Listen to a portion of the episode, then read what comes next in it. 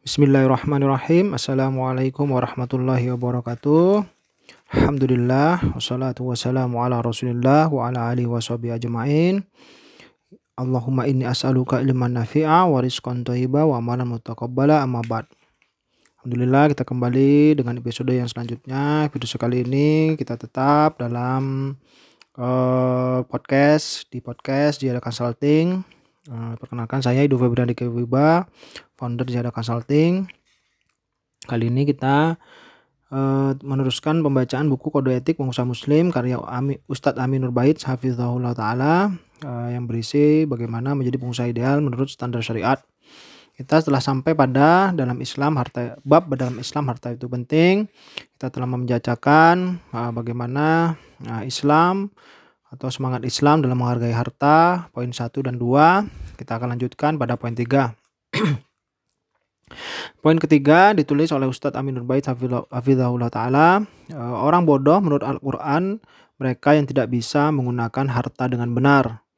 Allah melarang kita memberikan harta kepada orang bodoh meskipun itu miliknya. Sehingga bagi orang bodoh harta itu harus ada yang menjaganya.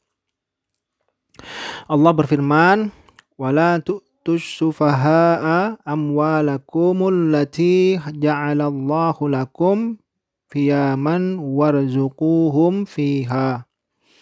Jangan kamu serahkan kepada orang-orang bodoh harta mereka yang ada dalam kekuasaanmu yang dijadikan Allah sebagai pokok kehidupan. Berilah mereka belanja dan pakaian dari hasil harta itu. Quran Surat An-Nisa ayat 5 Disebut sufaha atau bodoh karena belum sempurna akalnya. Mereka adalah orang yang tidak bisa menggunakan harta dengan benar, sehingga orang kaya yang tidak bisa menggunakan harta dengan benar, dia termasuk kategori bodoh menurut Al-Quran. Yang keempat, larangan israf dan tabzir. Allah menyebut pelaku tabzir sebagai temannya setan, temannya syaitan. Dan Allah tidak mencintai orang yang suka israf atau boros.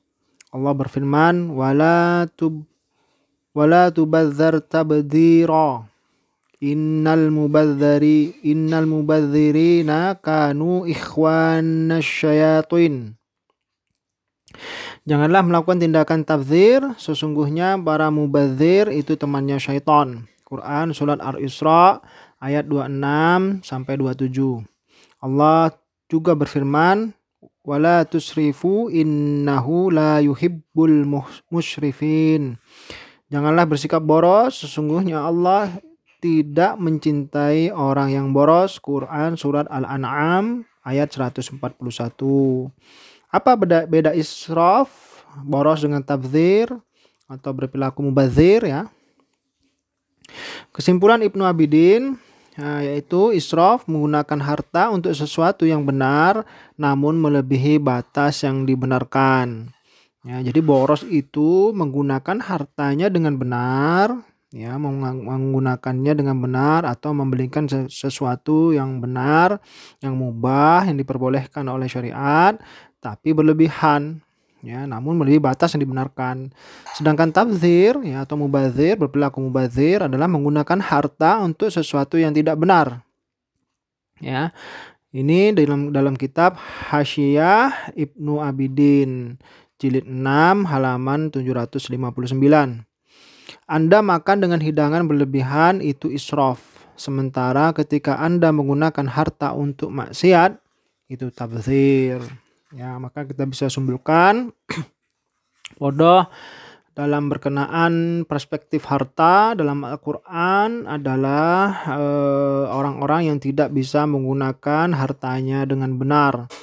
Ya, jika pada saat hartanya digunakan untuk hal-hal yang dilarang oleh Allah eh, dan Rasulnya, maka bisa kita katakan orang itu bodoh ya eh, dalam menggunakan harta dan tidak boleh kita uh, larangannya adalah um, bisa dianggap bodoh ya dan uh, karena melakukan hal yang dilarang yaitu uh, menggunakan uh, hartanya dengan boros ya, atau istilahnya israf yang ada di uh, surat Al-An'am ayat 141 dan at-tabdzir atau mubazir pada saat pada uh, surat Al-Isra ayat 26 sampai 27. Sehingga pada saat kita melakukan sebuah lebihan ya misalkan uh, makan uh, satu orang habis puluhan juta misalkan ya. Itu sangat uh, berlebihan sehingga ini tidak di, di, dibolehkan oleh uh, agama. Kemudian mubazir uh, menggunakan hartanya untuk maksiat, uh, untuk uh, berjudi misalkan atau uh, memberi uh, membeli khamr dan lain sebagainya. Jadi itulah mengapa harta itu penting dalam Islam dan bagaimana semangat Islam untuk uh, menghargai harta. Nah, di sini ada aturan-aturan yang harus kita uh, amalkan agar harta kita yang memang dianggap penting dalam, dalam Islam bisa uh, bermanfaat buat kita di akhirat sehingga seperti kita ketahui untuk hakikat harta adalah segala sesuatu yang kita gunakan yang bisa memberikan pahala kita di akhirat. Kita akhiri uh, dan akan kita lanjutkan untuk bab selanjutnya yaitu prestasi manusia yang sesungguhnya ya di halaman 48. Semoga bermanfaat. Kita akhiri dengan doa kafaratul majlis. Subhanakallahumma bihamdik. Asyadu an la ilaha illa anta astaghfirullah wa atubu ilaik. Assalamualaikum warahmatullahi wabarakatuh.